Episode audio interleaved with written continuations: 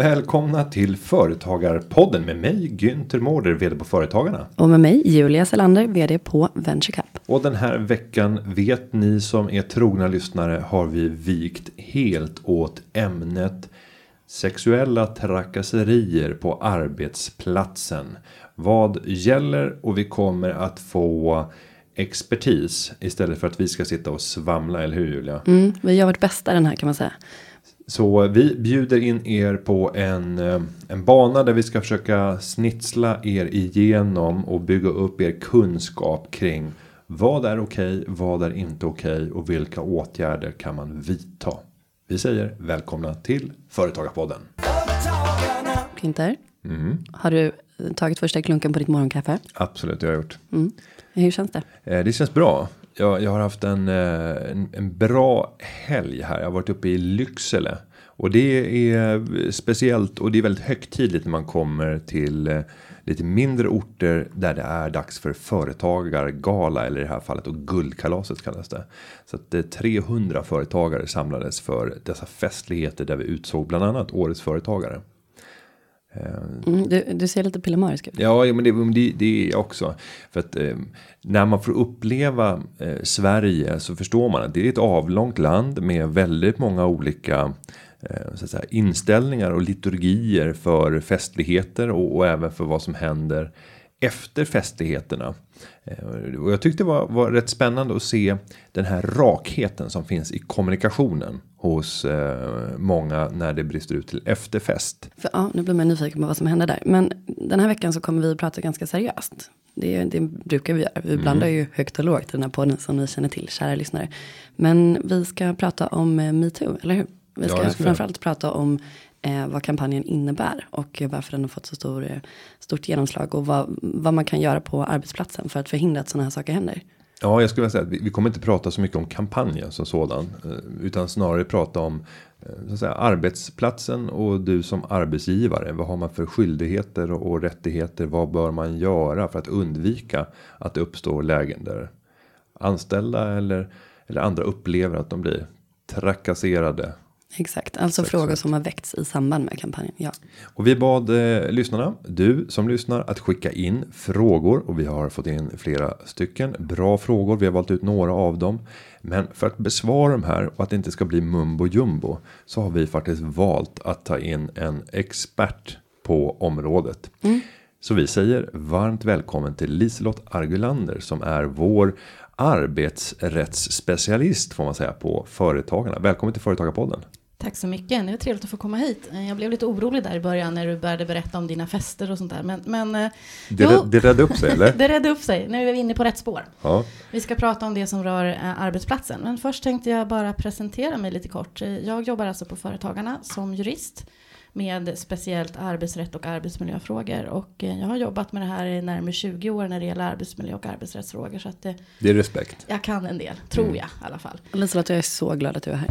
Tack så mycket. Det är faktiskt väldigt roligt att få vara här måste jag säga. Ehm, Det här ämnet är ju faktiskt ganska allvarligt. Mm. Trots att man kan, man kan tycka vad man vill om det. Men det är ett allvarligt ämne. Och jag hoppas att vi ska kunna ge svar på några saker här idag. Om hur framförallt arbetsgivaren ska tänka och göra i sådana här situationer. Vad gör man? Och jag tänkte att vi börjar med att eh, läsa de tre frågor som jag har valt ut särskilt eh, för att diskutera vidare. Eh, Så i- enligt eh, i sann eh, Bullen maner. Sen fick jag höra att eh, Julia har inte fått se Bullen när hon växte upp. Jag fick inte se Bullen för mina föräldrar för att det var liksom ett vuxenprogram. Mm. Så jag, jag vet faktiskt inte vad du pratar om. Och det var inte för att det var Martin Timell som var programledare. Günther, Nej, nu var vi där igen. Skärpning. Men eh, då ska vi säga så här att det inleddes alltid med att eh, säga inför de här eh, filmerna som man diskuterade. Det är alltså inte pojken eller flickan i filmen som eh, har skrivit brevet. I det här fallet så är det ju dock så att det är de som frågar som har skrivit frågan. Jo, jo, men det är inte de som kommer läsa. Jaha, du menar så? Ja. Ja, nej. Så Julia, vill du börja läsa första frågan? Ja, vi går in i det här ämnet på ett riktigt seriöst sätt, som sig bör i Företagarpodden. Eh, men den första frågan kommer från eh, Josef i Umeå och han skriver så här. Eh, var går gränsen när är det sexuella trakasserier och när är det mer olämpligt men inte olagligt rent juridiskt? Sen så frågar han också vidare, om man har ett bolag med anställda, måste handlingen vara olaglig för att man ska kunna göra sig av med personen? Eller räcker det med att man ogillar handlingarna? Mvh Josef. Mm, det är en av frågorna vi kommer att diskutera vidare. Mm. Den andra är från en anonym person i Stockholm. Hej, jag lyssnade på er för första gången. Tack för en bra podd. Och hörde att ni efterlyste historier om metoo. Jag har en fråga som handlar om det ämnet. Jag arbetar på ett företag med cirka 10 anställda. Problemet. En kollega beter sig hela tiden på gränsen. Ja, han har också krossat den. Det handlar om att han hälsar på kollegor med kommentarer såsom Hej, vad sexig du är idag. Och har även tagit på kollegor på olämpliga ställen. På personalfester och när det varit alkohol inblandat. Personen i fråga är en av de anställda med ett eget ansvarsområde och därför anses han viktig för företaget. Om vi som kan vittna om hans beteende gör det. Hur ska vi då gå tillväga? Och vad kan vår vd göra? Vilka bevis behövs? Kan han arbeta kvar under tiden? Och hur allvarligt måste beteendet vara för att han ska kunna få sparken? Mhm. Det är vår nästa fråga. Ja, allvarliga frågor det här. Eh, vi kommer till den sista frågan då som Emily i Linköping undrar. Och frågan lyder, hur ansvarig är arbetsgivaren för om en anställd beter sig illa? Exempelvis trakasserar eller mobbar någon. Och vilket ansvar är endast medarbetarens? Om det kommer till skadestånd och så, tack för svar. Ja, tre stycken frågor som vi ska diskutera kring idag. Um, gud, det, det är ju svårt att inte få massa känslor när man hör de här frågorna såklart. Men om vi börjar på, på ett generellt plan. För Josef, Josef börjar ju där eh, och ställer frågan. Var går gränsen när det gäller sexuella trakasserier? Jag kommer ihåg när man växte upp Eh, och gick i skolan. Så pratade man ofta om mobbing. Var går gränsen för mobbing? Och då sa man att ja, när en annan person har upplevt att det är mobbing så har du passerat en gräns. Men, men vi kanske skulle börja med en liten definition. ja, vad är För definitionen? jag, för jag tror att man blandar samman väldigt många olika saker här. Om man tittar utifrån arbetsmiljölagens perspektiv exempelvis så pratar man ju om kränkande särbehandling. Det kan ju i sig bestå av eh, att man kränker någon alltså, värdighet med ord men som inte har sexuell anspelning. Det kan ju också vara mobbning och andra saker. Men det kan ju också vara vridet till sexuella trakasserier. Det vill säga att man använder sexuella uttryck eller beteenden som för att kränka någon. Så det finns ju olika grader i det här med. Men det, samlingsnamnet är ju egentligen kränkande särbehandling. Och det blir inte placerat i olika fack beroende på vilken typ av kränkning man har ägnat sig åt. Om, Ja, den, om den är alltså- verbal. Ur diskrimineringslagens synpunkt så kan det ju bli det. Därför att den tar ju upp särskilt om sexuella trakasserier. Men ur arbetsmiljölagens synpunkt så är det här ett beteende som är väldigt ovärdigt och oönskat på ett arbetsplats generellt. Men du får inte mobba någon. Du får inte kränka någon på en arbetsplats. Och där siktar ju arbetsmiljölagen in sig på att man ska jobba förebyggande med de här frågorna. Alla arbetsgivare ska göra det. Och vad betyder det när man säger att man får inte? För att om man inte får, då, då brukar man ju säga att men då är det olagligt. Och då finns det ett straff följt av det. Här är ju väldigt många definitionsfrågor som är svåra. För det är en gränsdragningsproblematik och det finns en, en kulturell jargong att ta hänsyn till. Eh, det måste vara ganska komplicerade. Mm. Om man då börjar med att prata om sexuella trakasserier som ändå är ämnet för dagen så kan man väl säga att det är den som är utsatt för den eventuella handlingen eller kränkande ord eller någonting som avgör om det har en sexuell trakasserianspelning. Så det är inte någon annan som säger så här, men det, du, det där var nog sexuellt trakasserande, utan det är den som blir utsatt som så att säga avgör om det här är oönskat. Och det måste vara ett oönskat beteende för att det ska kunna bli en sexuell trakasseri. Och för att det ska kunna bli oönskat så måste också arbetsgivaren veta om det. Så den som är utsatt måste faktiskt göra sin röst hörd på ett eller annat sätt och tala om att det här vill inte jag vara med om, jävla skit. Oj, förlåt, man får inte svära Jo, det får Det man får man göra. absolut Ja, göra i den här Hur podden. mycket som helst. Okej, men så man kan säga att ett första steg är att försöka se till som arbetsgivare att man har en arbetsplats där eh, man förhoppningsvis har något forum eller något medium där man kan få upp sådana här eh, frågor till ytan om det skulle inträffa. Är det medarbetarsamtal som gäller då eller vad, vad tänker du? Leslie? Om man tittar på arbetet som arbetsgivaren måste göra eftersom man Mm. arbetar förebyggande så tycker jag det är väldigt lämpligt att man har de här diskussionerna mer enskilt med respektive arbetstagare. Ehm, Jag tycker inte att man ska ha offentliga diskussioner på det sättet att man, att man liksom lyfter enstaka händelser om det är sexuellt trakasseri eller inte. Men däremot kan man ju ha ett värdegrundsarbete på arbetsplatsen som kan vara i grupp. Mm. Man jobbar med vad är okej att säga på en arbetsplats? Hur får man tilltala någon annan? Får man säga sådana här saker om varandra, till varandra? Vad kallar vi varandra för? Jag menar, det finns ju vissa branscher där man liksom ger epitet till vissa saker och personer som kan vara ganska grova. Och Mm. det tycker inte jag är okej. Den diskussionen tycker jag man ska ha ett större forum på arbetsplatsen. Vad vill vi, hur vill vi ha det här? På den här arbetsplatsen. Det ingår så att säga i arbetsmiljöarbetet att göra det. Men sen måste man ju vidta åtgärder. Så fort arbetsgivaren får reda på att det har hänt eller inträffat eller att någon kommer och säger du jag känner mig kränkt eller jag känner att det här är inte okej att bli behandlad så här. Då måste arbetsgivaren agera. Men, men om vi går och tittar på de olika kulturerna som finns på olika arbetsplatser. Jag växte ju upp på byggarbetsplatser. Och eh, där kan jag säga att på 90-talet på en byggarbetsplats så var det en helt annan jargong och kultur än vad jag är van vid i tjänstemannakulturer i organisationsvärlden. Eh, men om en person skulle komma in i en kultur, och där fanns det ju någonstans en acceptans för inom gruppen att det är så här vi pratar, det är så här vi förhåller oss till varandra. Men om det kommer in en ny person som inte accepterar det där, som inte har blivit hittills en del av den kulturen. Där finns faktiskt en värdegrund och värdegrunden är att vi förolämpar varandra ganska hårt här. Vi använder sexuella anspelningar och förolämpar varandra i, i rätt hög utsträckning. Det är en del av vår värdegrund. Sen kan man ju ifrågasätta så här, det är en vidrig Fast det är ett värdegrund. lagbrott.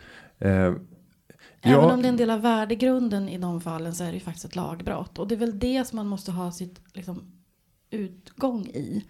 Arbetsmiljölagen talar faktiskt om det här. Det är inte okej. Diskrimineringslagen säger att det är inte okej att ha den här typen av anspelningar, sexuella trakasserier på en arbetsplats. Då måste arbetsgivaren agera. Sen att det var så här på 90-talet, ja, men jag tror faktiskt att arbetsmiljöarbetet har utvecklats på de flesta arbetsplatser idag. Men man kan inte skydda sig som arbetsgivare genom att säga att ja, men det är så här är det som vi beter oss. Det går inte. Utan Man måste liksom börja från grunden och diskutera de här frågorna. Och jag tycker att det blir bättre på många arbetsplatser och det blir bättre i olika branscher. Men det är fortfarande inte bra. Det visar inte minst den här metoo-kampanjen som tar upp de här frågorna. Men vad ska man göra om man kommer in som ensam individ in i en kultur där man upplever att allting har cementerats. Det här verkar vara en del av den kultur som skapar den här arbetsplatsen och jag delar inte den här bilden. Tror jag skulle göra bedömningen om jag kommer ensam och ingen annan har reagerat över det att jag kommer aldrig att kunna påverka det här ensam utan jag skulle nog dra Mm, men föreställer du också att du kommer in som ung tjej i en organisation där du kanske har en manlig chef eller manliga mellanchefer och du tycker att det känns ännu mer obekvämt för att det finns en annan typ av maktbalans där. Jag tror att det kan vara till och med snäppet värre. Men frågan är om man inte då, ja, tänker jag att man, man ger ett försök att stålsätta sig och sen så står man ut ett tag och sen kanske man byter jobb igen. Så ska det inte behöva vara. Men om man då vill, vad är bästa sättet för att, för att ja, ta upp frågan? Alltså, när man väl kommer till en sån här arbetsplats där Mm. är den här kulturen som ni beskriver det. Då kan det ju vara ganska tufft och ganska jobbigt för en ensam ung och i företrädesvis fall så är det ju en kvinna också. Det är Mm. jättejobbigt att komma in i en sån miljö. Eh, och då måste man ju kanske ta reda på vad finns det för arbetsmiljöarbete på den här arbetsplatsen. Finns det någon jag kan vända mig till för att liksom framföra det här Mm. och säga att det är faktiskt inte okej. Ehm, och finns inte det, då, då är det ju riktigt allvarligt. Men det kanske finns ehm, en facklig organisation. Man kanske är medlem i en facklig organisation och då kan man ju vända sig till sin egen fackliga organisation och påtala det här och söka stöd för att liksom lyfta frågorna. Men det är ju faktiskt, om man bara tänker till lite grann så här, så är det ju så här att arbetsgivarna i Sverige idag, alla arbetsgivare, oavsett hur många anställda man har, ska ha ett förebyggande arbetsmiljöarbete. Det kallas för systematiskt arbetsmiljöarbete.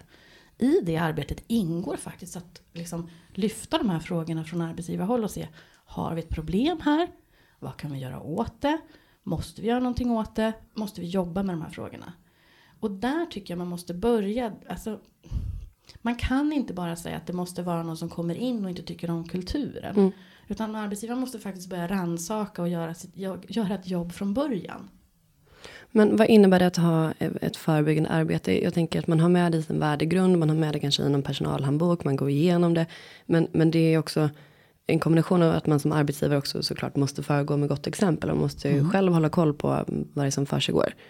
Um, jag tänker att det fortfarande kanske, nu antar jag här, men på många lite mindre företag att man tänker att ja, men, vi är bara 25 anställda, vi behöver ingen personalhandbok. Det är ändå, ja, vi håller koll på varandra om man ringer till mig om man är sjuk eller så vidare. Att man, vad har man för skyldigheter där och så att man har um, olika typer av riktlinjer och så som man måste efterleva, eftersträva liksom på arbetsplatsen. Vad gäller då arbetsmiljö? För det kan ju vara både Alltså allt ifrån hur man, hur man sitter liksom vid skrivbordet till vilket, vilken typ av lampa man har till liksom sexuella trakasserier och hur man pratar till varandra. Det känns som att allt ingår i arbetsmiljö. Vad... Det är helt korrekt. Mm. Och det, ju mer man tänker på arbetsmiljö, det brukar jag också säga när jag håller utbildningar, att ju mer man börjar tänka på vad är arbetsmiljö och hur är det någonting? Ja, det kan vara allt. Det kan vara precis allt och så kan det vara ingenting. Mm. Men alla arbetsgivare från den första anställda har ju ett ansvar att faktiskt jobba med de här frågorna.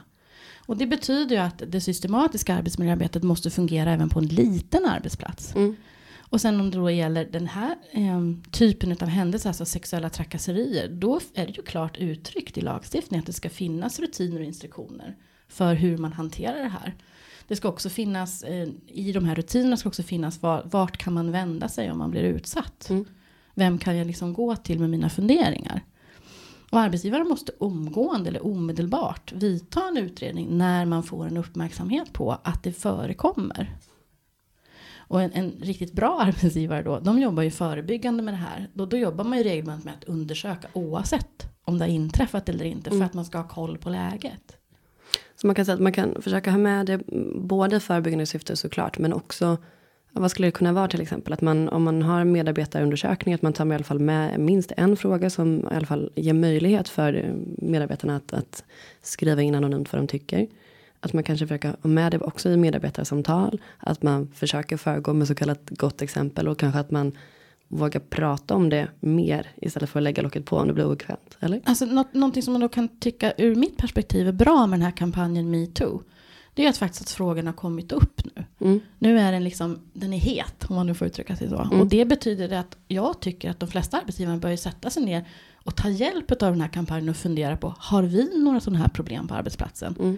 Förekommer eller förekommer det inte? Vad har vi för, vad har vi för värdegrund? Hur tilltalar vi varandra? Hur, hur, vad finns liksom? Och titta lite liksom runt omkring. Då kommer man ganska långt. Och sen kan man ju fundera på, hur skulle jag vilja bli bemött i den här situationen? Och om svaret på frågan är nej men det är nog inte så trevligt. Mm. Nej men då kanske man ska ta fram en rutin eller instruktion för hur ska vi bete oss? Alltså man kommer väldigt långt med att, liksom att bara ha liksom en, en tanke med det här. Men precis som du säger så, så tycker jag att alla arbetsgivarna bör, va, åtminstone en gång om året, gärna oftare, ta upp de här frågorna i enskilda medarbetarsamtal, via enkäter eller via andra personalundersökningar. Men man ska också veta det att de flesta enkätundersökningar när man gör dem, då, då liksom försöker man ju, man svarar utifrån hur man mår just då. Mm. Så det kan vara väldigt svårt att fånga upp just det här via personalenkäter. Men det är ju en bra början. Men om vi nu dyker ner i de specifika frågorna för att se vad är det vi kan säga och vad kan vi inte säga. Josef undrar ju till att börja med. Finns det någon gräns mellan när någonting är sexuella trakasserier och när någonting bara är olämpligt? Kan man prata om någon sån gränsdragning? Och kan den gränsdragningen vara olika beroende på arbetsplats och arbetsplats beroende på värdegrund eller kultur. Du, du, kan ju ha en, du kan ha en gränsdragning mellan exempelvis kränkande särbehandling och mobbning och sexuella trakasserier. För om du ska ha, få det till en sexuell trakasseri då behöver du ha någon form av sexuell anspelning. Mm. Men det kan ju likväl vara, det kan ju vara kränkande och mobbning. Utan att för den skulle man använder sexuella epitet eller andra saker. Det kan ju vara lika illa. Så att gränsen mellan mellan olämpligt beteende och sexuella trakasserier, den, kan ju, den, den är ju att det måste ju vara någonting med sexuellt an, eller sexuella anspelningar för att det ska hamna där. Men det kan ju likväl vara en mobbning eller en kränkning och då hamnar man i det facket. Men även om det är en, en sexuell anspelning, men att det, det är en, eh, en kultur där det är lite hårdare snack på arbetsplatsen. Kan det vara lägen där, där man anser att nej men det här det är olämpligt. Men man, det är ju Mm. den som blir utsatt som av, av, avgör. Inte någon annan. Om det inte är okej för mig att du kallar mig för någonting som har en sexuell anspelning. Då är det enligt definitionen en sexuell trakasseri. Och, och vad kan vi göra i det läget då? Om jag upplever att det är på det sättet. Vad har jag för Som medarbetare måste du göra, för det första behöver du göra den som säger det, eller gör någonting, Mm. liksom uppmärksam på att det här var inte okej. Säg ifrån. Säg nej. Mm. Oj, nu sa jag för högt. Ja, det är okej. Det är bra. Mm. Men liksom, man måste säga ifrån. Men, men, men, men, ja, det måste man. Eller måste. Men det, det är väl, okej. Sidospår, egna erfarenheter. Jag kan uppleva att det har hänt mig massor, massor med gånger. Att det har varit olämpligheter hit och dit. Men oftast, jag, jag blir bättre nu. Efter många år liksom i branschen. Men oftast i situationen så blir man nästan lite chockad. Alltså vi tar till exempelvis, ja men vi har något evenemang, man har, ja, jag ska inte säga liksom vilken typ, men, men någon som man ändå har lite bra relation med inom branschen. Eh, som absolut typ så här, lägger handen på fel ställen lite smidigt och så här, ja jag vet inte. När det är ofta i samband med alkohol såklart, det är olika typer av evenemang. Och där och då så vill jag egentligen bara så här, alltså det, man blir så obekväm och stel och så bara går man därifrån och så bara så här, vill bara fly.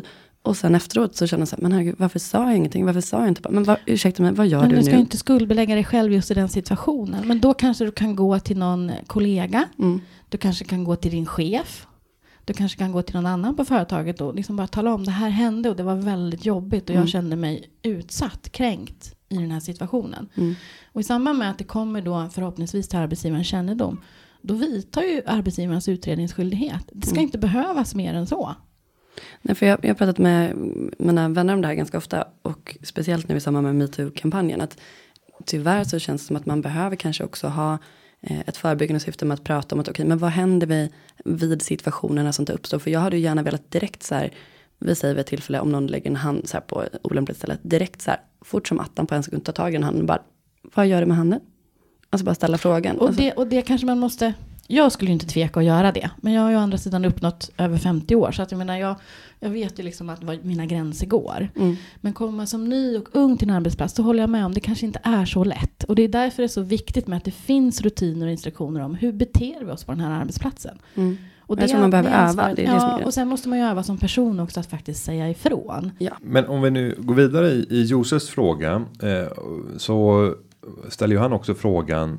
Kan man göra sig av med personer för att man ogillar deras handlingar och man bedömer att nej men den här personen begår handlingar som passerar gränsen och kommer att upplevas av vissa som sexuella trakasserier. Har man rätt att säga upp en sån medarbetare? Om man har varnat, låt oss säga att man har varnat två gånger och, och det händer en tredje gång. Kan jag då omedelbart gå in och säga att nej, nu är måttet rågat. Nu får du faktiskt dra härifrån. Och du får ingen ersättning. För du har helt passerat gränsen och du har trakasserat medarbetare här på plats. Vilka rättigheter har man? Alltså, om det är så illa som du beskriver det. Ja, Så- det upplevs. Ja. Ja. Alltså, ja, nu måste man hålla isär eh, olämpligt beteende och vad som är saklig grund för att säga upp någon. Och i svensk arbetsrätt så kan ju det vara ganska komplicerat. För det krävs ju att personen dels har misskött sig, och det kan det ju vara. Personen har misskött sig och trakasserat eller kränkt någon. Det är kanske inte så svårt att hitta bevis för. Men steg två, man måste göra personen medveten om att det beteende som man har gjort kan leda till att jag blir av med anställningen. Det kan vara svårare. Därför att det är ju individuellt. Har den här personen som ett klantars eller idiot eller vad man nu kan uttrycka sig om dem eller bara olämplig. Har den förstått att det jag säger, det jag gör kan leda till att jag blir av med min anställning. Om man kan bevisa det i en domstol ytterst. Ja, då kanske man har saklig grund för att säga upp den här personen. Problemet här är ju att det faller oftast på att det är ord mot ord. Det går inte att bevisa. Den här personen har inte förstått att det beteende som han har gjort har liksom, det har sett som så allvarligt så att jag kan bli av med min anställning. För säg om att det är en av de högsta cheferna. Och det är ingen person som vill röja vem de är. Utan de vill vara anonyma. De går till personalchefen och säger att vid ett tillfälle så eh, tog han mig på skärten här eh, när vi var i fikarummet ensamma. Det var ingen annan som såg det. Men sen var det på firmafesten. Då började han klänga på mig och komma med snuskiga förslag. Och då var det flera andra som såg det. Redan vid första tillfället så anmälde jag. Jag sa att jag vill vara anonym. Eh, så jag sa det till personalchefen och till vd. Eh, och andra gången så, så rapporterade jag också. Det Kan det, blir, räcka? alltså, alltså, det blir ju alltid ett problem när det är chefen som utsätter. Eller Mm. chefernas chef. Som i det här fallet som utsätter. Men det fråntar ju inte egentligen personalchefens egna ansvar att utreda de här händelserna. Sen måste ju utredningen gå till på ett sånt sätt så att den inte liksom kränker andra eller liksom röjer. Eller man måste göra ganska försiktigt. Men arbetsgivaren måste utreda och i det här fallet så hamnar ju då personalchefen i en, en situation där, där hon eller han måste kanske utreda sin egen chef. Mm. Och har man rätt att vara anonym? Alltså den som har sagt sig blivit utsatt för det här. Kan man klara sig genom en hel process. Och ändå komma till ett läge där det föreligger saklig grund. För uppsägning på personliga skäl. Men man röjer inte källan. Jag tror att många känner sig osäkra inför just vad händer om man skulle få reda på att det är jag som har anmält. Ingen annan har gjort det och han har betett sig Alltså, på det sättet. Mm. vänta, vänta lite, vänta lite. Vi måste ju först och främst säga så här att det finns ju ett repressalieförbud. Mm. Så att där kan ju, tycker jag då, arbetstagarna måste kunna känna sig trygga. Men det beror ju naturligtvis på kulturen på arbetsplatsen. Men det finns ett repressalieförbud. Du får inte vidta åtgärder mot en arbetstagare som anmäler en sån här sak. Det är ju strängeligen förbjudet. Men om man säger, om man tittar på anonymiteten i sig. Det är ju svårt också om man vill vara helt anonym för personalchefen att då liksom få en vettig dialog och utreda det här. För att den som utsätter måste ju få reda på att det jag har gjort eller det den personen har gjort är en kränkning eller en sexuell trakasseri som, som inte jag har rätt att göra. Som jag har brutit mot någonting. Och det blir väldigt svårt i en sån här situation att hålla det helt anonymt. Och det är det som är problemet. Därför att arbetsrätten, om du ska säga upp någon eller i det här fallet kanske avskeda någon. Då, då är det väldigt svårt att hamna i det där att man kan vara helt anonym i de här anklagelserna. Mm. Ja, Men det, för det blir ju, oavsett vad så brukar det bli obekväm stämning när man tar upp sånt här. Och det är väl det man vill undvika till varje pris, ofta på arbetsplatser. Eh, då är det lättare att bara ignorera. Men jag tänker, det finns ju från två olika håll också. Antingen så har jag blivit utsatt för någonting. Eller så har jag, om jag då har ja, utsatt någon. Men hur, det verkar som att A och O är att försöka eh, ta dialogen. Att så här, okej, vid något tillfälle så händer det här.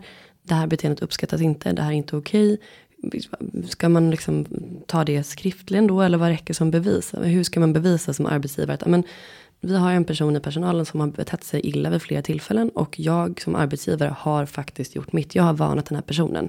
Okej, vad behöver jag för Men, bevis men, då? men eh, vi måste skilja på saker. Varnat personen är Mm. kanske en sak. Men alltså, eller sagt ut, ifrån, att utreda själva händelsen, det måste man göra. Mm, Och man behöver ju prata med de inblandade. mm, Sen ska ju arbetsgivaren självständigt bilda sin uppfattning. Vad är det som har hänt? Och vad Mm. behöver jag vidta för åtgärder för att motverka det här och förhindra det här i framtiden? mm, Ett sätt är ju att gå direkt till den som har utsatt och säga det. Men hallå, stopp och belägg. Det här vill inte jag att det upprepas någonting mer. mm, Det här har framkommit i min utredning. Det är flera som säger att du beter dig olämpligt i samband med eller på det här sättet. Och så vidare. Det är inte okej. Mm. Sluta omgående. Och om då den arbetstagaren fortsätter på något sätt. Då är det ju läge med en, kanske en skriftlig varning till den personen. Okej. Men om jag ska sammanfatta svaret här på Josefs fråga. eh, Så låter det som att det är inte busenkelt att säga upp på grund av att man har begått handlingar. Utan det handlar mycket om som arbetsgivare att du har ett väldigt stort ansvar att vidta åtgärder. För att för, förebygga och förändra ett beteende.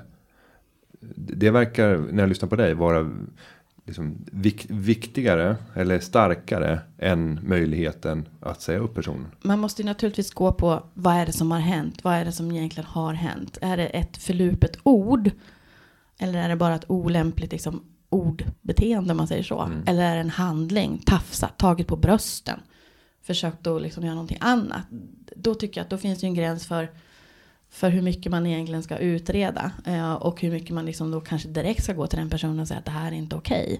Men jag tycker att man måste, man måste se det så här att, att arbetsmiljölagens syfte, hela liksom arbetsmiljölagen, syftar till att skapa en bättre arbetsmiljö och att arbetsgivaren måste arbeta förebyggande.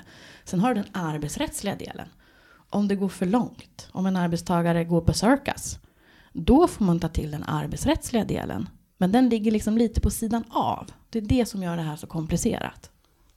Om vi går vidare till frågeställare nummer två, den anonyma från Stockholm, så pratar ju den här personen om eh, en anställd med ett eget ansvarsområde, det vill säga en, en chef i det här läget som anses vara viktig för företaget eh, och de kan vittna om att den här personen har både ständigt lever på gränsen och i flera fall har krossat gränsen beskrivs det som. Och frågan är vilka, be, vilka bevis behövs och vad kan man göra för att eh, för att få stopp på den här personen och kan man, fin, man finna grund för när, när man läser den här frågan så tycker vi att det lyser igenom lite grann att det här är ett beteende och en kultur som finns på den här arbetsplatsen.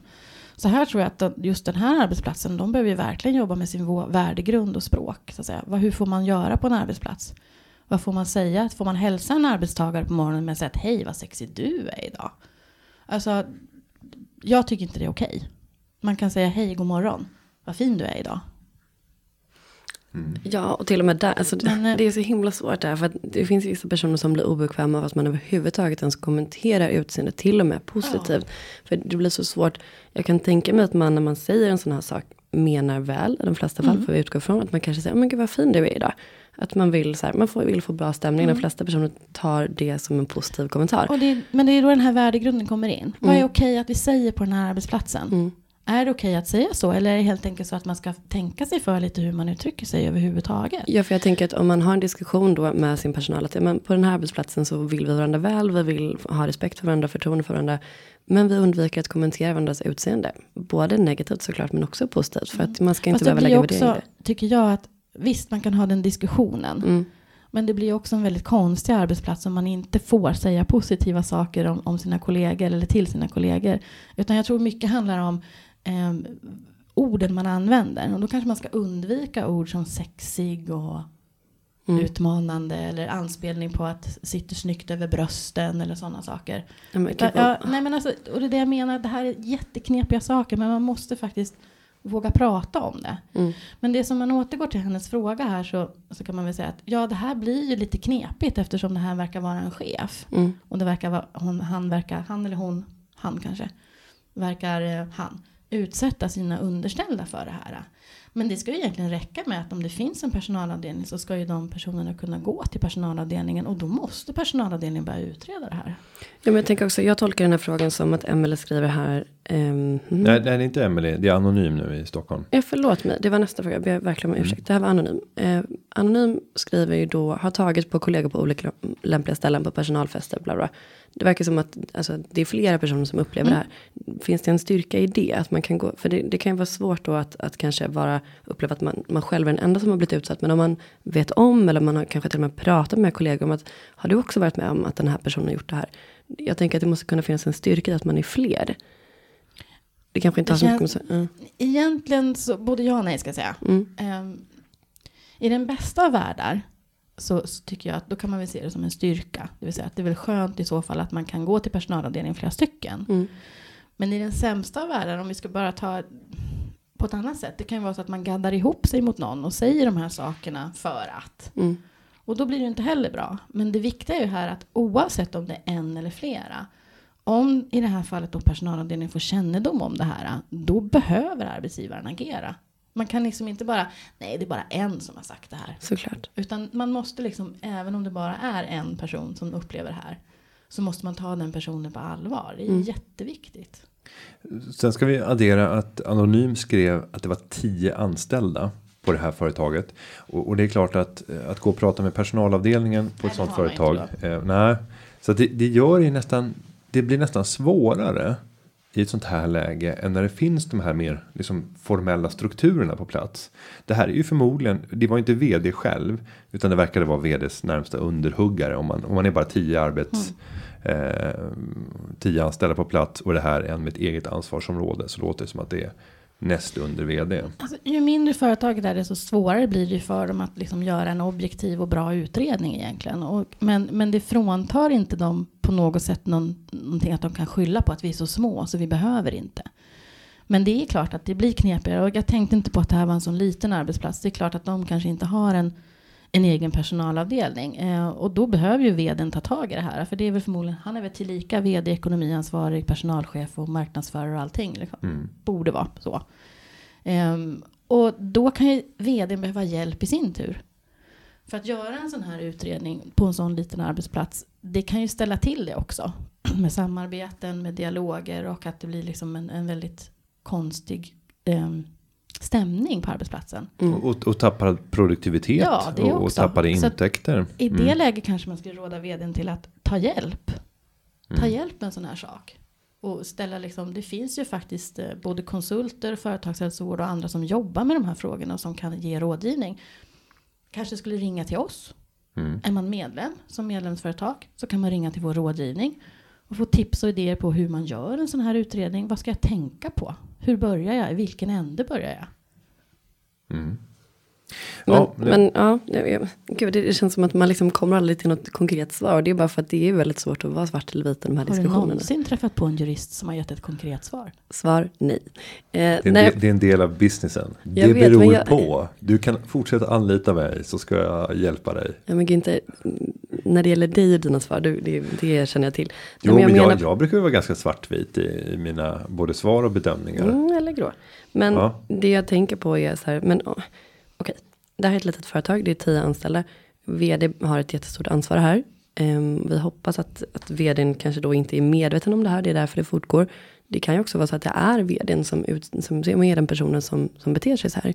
Och om man då är en av nio som är, är liksom anställda där för att vad ska man göra? Alltså vad, vad gör man om man då inte har någon personalavdelning? Man kanske inte är fackligt ansluten, man kanske inte är medlem i företagen. Man bara känner att det här känns jättejobbigt, jätteobekvämt. Men jag vet inte vad jag ska göra. Vad gör man då? Kan man liksom polisanmäla? Man kan ju vända sig till diskrimineringsombudsmannen också. Mm, Det kan man göra. okej. Men eh, det, det är ju också... Nu kommer jag få många lyssnare emot mig, men det är väl lite grann en självbevarelsedrift också. Att om man hamnar på en sån arbetsplats Mm, där kulturen är sån och det faktiskt är vdn eller cheferna som står för det här eh, kränkande behandlingen. Någonstans där måste man också fundera på, vill jag bli utsatt för det här i längden? mm, Eller vill jag så att säga, söka mig därifrån? Det låter jättehemskt men det är ju väldigt sällan man kan sparka en vd i ett litet företag som enskild anställd. Det funkar liksom inte. mm, Och det är väl där vi har liksom, det här äh, tystnadskulturen ofta, vilket jag tycker är väldigt tragiskt. Men någonstans handlar det om också att vill man som arbetstagare bli utsatt för det här dagligen? Eller vill man inte? Men, men nu tänkte jag att vi drar det till sin spets nu. Den här Mm. personen väljer att säga upp sig för att eh, den som har blivit utsatt. För att jag orkar inte med det här. Jag lämnar den här kulturen. Och så tänker jag så här att det enda sättet som jag nu kan ge igen på det är att gå ut och jag har ganska många följare i sociala medier. Så nu går jag ut. Följande har inträffat. Jag har idag sagt upp mig från arbetsgivare XX. För er kännedom en vidrig arbetsplats. Där man inte på något sätt tar tag i den kultur som gör att människor mår dåligt. Och där man sexuellt trakasserar medarbetare och vd gör ingenting. Och så fortsätter man så här. Och kastar skit över sin tidigare arbetsgivare som man precis har sagt upp, upp sig mot. Ehm, det här kan ju kännas väldigt skönt i det ögonblicket. Att kunna bara trycka till och säga att här fick ni tillbaka. För att ni inte tog tag i de här problemen innan. Vad skulle du ge för råd? om jag Till stod i, vem? Nej, om jag, stod i, om jag stod i begrepp att trycka på sändknappen och så hade jag ringt till Liselott och sagt så här. Liselott, vad, vad kan hända om jag trycker på publicera-knappen nu? Eh, gör jag mig skyldig till någonting? Mm, ja, alltså rent konkret så kan du göra skyldig till förtal. Mm. Så. Men, men Och det där, beror ju på hur många följare har tänkte jag säga. Nej, men det beror ju på hur allmänt spritt det här blir och vad det finns liksom för grunder och sanning i det också. Det kan ju leda till att, till att arbetsgivaren så att säga på något sätt vill ha någon form av eh, förtalsutredning här. och Men, det- men eh, jag menar... Nah. Jag vet inte. Eh, jag fick ett tips eh, och det var när jag började podda i min, i min gamla podd så höll jag på att eh, publicera någonting som skulle kunna leda till just att jag blev dömd för förtal. Men då lärde, sig, lärde jag mig av bankens jurister att det du måste säga det är att jag upplever att den här personen försökte blåsa samtliga aktieägare för att enbart berika sig själv. Men du får inte säga den här huvudägaren blåste samtliga aktieägare för att berika sig själv. Men just att lägga till min uppfattning, jag upplever, min tro. Om man bara lägger till det innan och sen då kan man lägga till hur mycket skit och elände som helst för att du kan alltid bevisa att det är du som uppfattar det, eller det är du som tror det. Så därför kan man aldrig bli dömd för förtal. Nu ska vi inte föda några eh, Günthers bästa how-to för att inte bli dömd för förtal. Men Nej, för att kunna gå ut i, i metoo och, och döm, Nej, döma ja. personer och säga min, min uppfattning är att. Men, men det är det som jag mm. tycker har blivit en baksida av metoo. Om man nu får återgå till det mm. ämne som vi pratar om. Därför baksidan av metoo är ju att det står egentligen, eller finns ganska många historier som är helt oemotsagda. Mm. Och som bara är min egen upplevelse. Rätt eller fel. Det, förmodligen så finns det någon sanning i det, för annars så kanske man inte lägger ut det. Men, men jag menar, det är det som blir baksidan av metoo. Att det blir en, någon slags hetsjakt på arbetsgivare och arbetsplatser nu som så att säga har en sån kultur där personer beter sig så illa och så vidare och så vidare.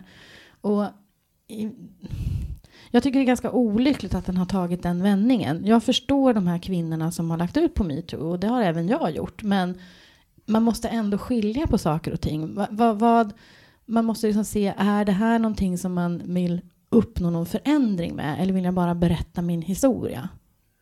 I den bästa av världar så i alla fall i mitt jobb så vill jag alltid se till att det blir bättre på arbetsplatsen.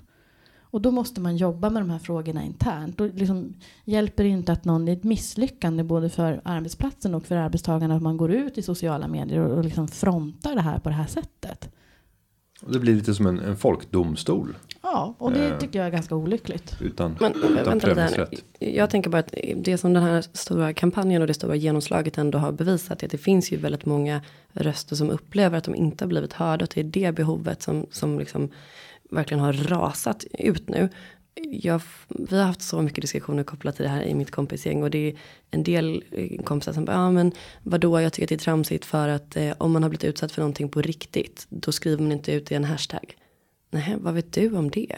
Alltså, det är ju det som blir definitionen. Vad, alltså, gränsen för sexuella trakasserier det kan vara allt ifrån att man blir utsatt för ord eller handlingar. Och då är det som att samhället ändå värderar att men, handlingar är olagliga men ord, äh, det får man ta lite grann. Och där har man ju fel. Mm. Därför att det är ju faktiskt den som blir utsatt som, som avgör om det är en sexuell trakasseri eller inte. Mm. Och det är väl den positiva sidan med metoo. Nu har det här kommit upp på bordet. Vi diskuterar de här frågorna. Jag skulle liksom inte vara förvånad om det inte är så att vid varje arbetsplats i någon form har de här frågorna dykt upp vid kaffebordet, i något annat sammanhang och så vidare. Det tisslas och tasslas överallt, vilket jag tycker är bra. För då finns det en möjlighet för arbetsgivaren att faktiskt också på ett naturligt sätt ta upp de här frågorna och jobba vidare med dem. Och säga, hur har vi på den här arbetsplatsen då? Ni vet ju hur det ser ut liksom i media. Men vi kanske behöver fundera på hur vi beter oss. Mm. Men för jag tänker också att det, det finns ju också väldigt många situationer där det faktiskt uppstår romantik på arbetsplatsen. Var går gränsen där? Vissa företag, ofta större, har ju tydliga riktlinjer i personalhandböcker om att säga, man får inte dejta en kollega. Så att man får typ smyga med det in. Alltså, för jag menar, man träff, det är ju ganska vanligt att man träffas på arbetsplatsen, eller hur? Till och med i regeringen. Har oh. ju, ja. ja, nej men precis. Och då är det så här, ja okej, och då. Ja, det är så himla suddigt i alla de olika grejerna. Men, men jag har pratat också med lite eh, äldre personer om det här. Som är så här, aha, men man ska inte ens få kunna flörta nu för tiden. För då blir man anmäld. Sjukt tramsig kommentar. Men man vill väl inte utsätta någon annan person för att bli obekväm oavsett om det handlar om liksom sexuella trakasserier eller mobbing eller vad som helst. Man vill väl att folk i sin närhet ska må bra. Men jag tänker att just in, nu blir det en lång flummig fråga här, men just inom så här, vad är okej och inte när det gäller att typ dejta någon på arbetsplatsen? Kan man reglera det i, sin, liksom, i sina riktlinjer också? Eller? Förstår ni hur jag tänker? Att det, det är Kan liksom, jag passa på den frågan? absolut. Men, men, men min uppfattning där, och nu, nu får Liselott kontrollera mig. Men det är att du kan aldrig som arbetsgivare reglera vad som händer utanför arbetsplatsen och på din fritid. Den får du styra helt och fritt över. Du kan inte säga att enskilda kollegor inte får umgås utanför arbetet. Om det inte är ett hot mot säkerhet eller liknande. Där finns det ju så här hot mot rikets säkerhet om det skulle vara eh, vissa typer av förhållanden eller liknande. Men jag vänder mig till Liselott. Man har väldigt svårt som arbetsgivare att begränsa. För det gäller ju även andra saker om du tänker att ägna sig åt extrem skidåkning. Eller så här riskfyllda sporter. Eh, klättring utan skyddslinor. Eh, där skaderisken är liksom påtagligt stor. Vilket skulle göra att du tappade hela eller delar av din arbetsförmåga. Med ganska hög sannolikhet om du ägnar dig åt det här. Nej men det, är- det är ju korrekt, det är ju precis det du säger. Att det som arbetstagarna gör på sin fritid. Det är ju någonting som arbetsgivaren inte ska lägga sig i. Men det finns en, en eh, det finns ju fritid och fritid. Det finns ju fritid som kan vara i form av att man är tillsammans på en tjänsteresa eller någonting. Och då har man kanske fritid under den tjänsteresan. Och där menar jag, där skulle arbetsgivaren mycket väl kunna reglera vad man får göra eller inte. Därför att då har ju arbetsgivaren ändå ett ansvar för de personerna som är där när man är på tjänsteresa. Eh, men du kan ju aldrig hindra en arbetstagare från att dejta en annan arbetstagare på sin fritid. Men däremot så kan du ju ha eh, rutiner eller mm, värdegrundsregler på din arbetsplats som talar om hur beter vi oss på arbetsplatsen. Är det okej att stå och grovhångla vid kopiatorn? Nej, förmodligen inte. Det kan ju vara ganska olämpligt för det kan vara andra som uppfattar det på ett annat sätt och så vidare. Mm. Så att det, går, det går ju, men det, det här nu är, vi ut, nu är vi faktiskt egentligen långt ifrån ämnet. Men vi är ju ute lite grann i det här att jag tycker att arbetsgivarna måste liksom fundera på det. Det finns ju, det finns ju i många amerikanska företag så finns det ju väldigt mycket så här med personalpolicy och sånt att man liksom då, då får man inte jobba kvar. Då måste någon flytta på sig och sådana saker. Och, och då handlar det om dejting alltså? Ja, Mm. dejtingen. Och det, och det... Jag vet inte om det är nödvändigt ska jag säga. Om man, man har liksom klart och tydligt sköt, sköter det snyggt. Liksom. Varför ska en behöva flytta på sig? Men det handlar Men väl det om kan ju finnas ett ansvars och beroendeställning. Mm. Någon är chef över den andra eller man ska på något sätt. Och då kan det vara lämpligt att man gör en liten rockad kanske.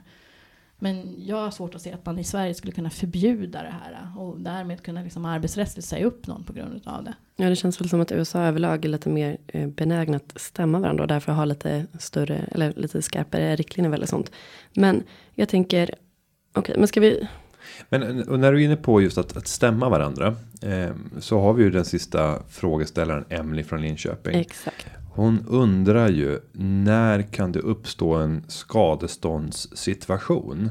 Och kan det vara så att i vissa fall så är det bolaget som är skyldig att betala ut skadestånd för en kultur som har gått överstyr? Eh, eller är det alltid individen som bär ansvaret? Vad gäller när det kommer till skadeståndsfrågor kopplade till sexuella trakasserier inom ramen för att det har skett på, på arbetstid?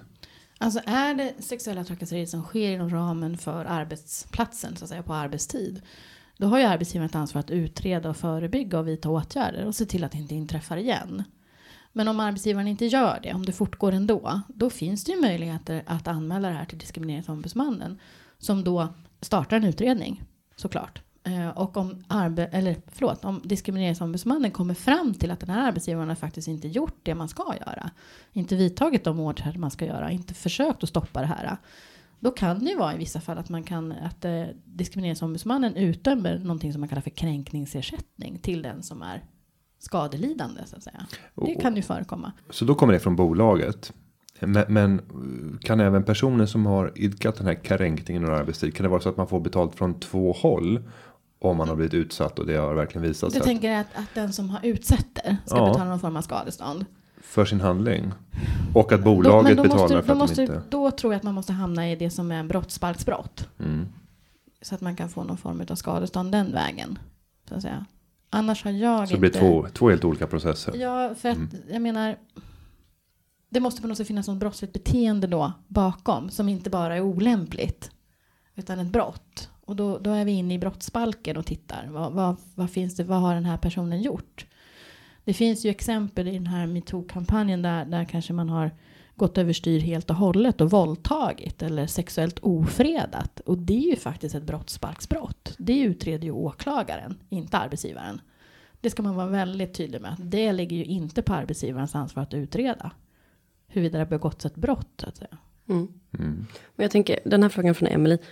Det verkar så, vara så, ja, hur ansvarig är arbetsgivaren för om en anställd beter sig illa, exempelvis trakasserar?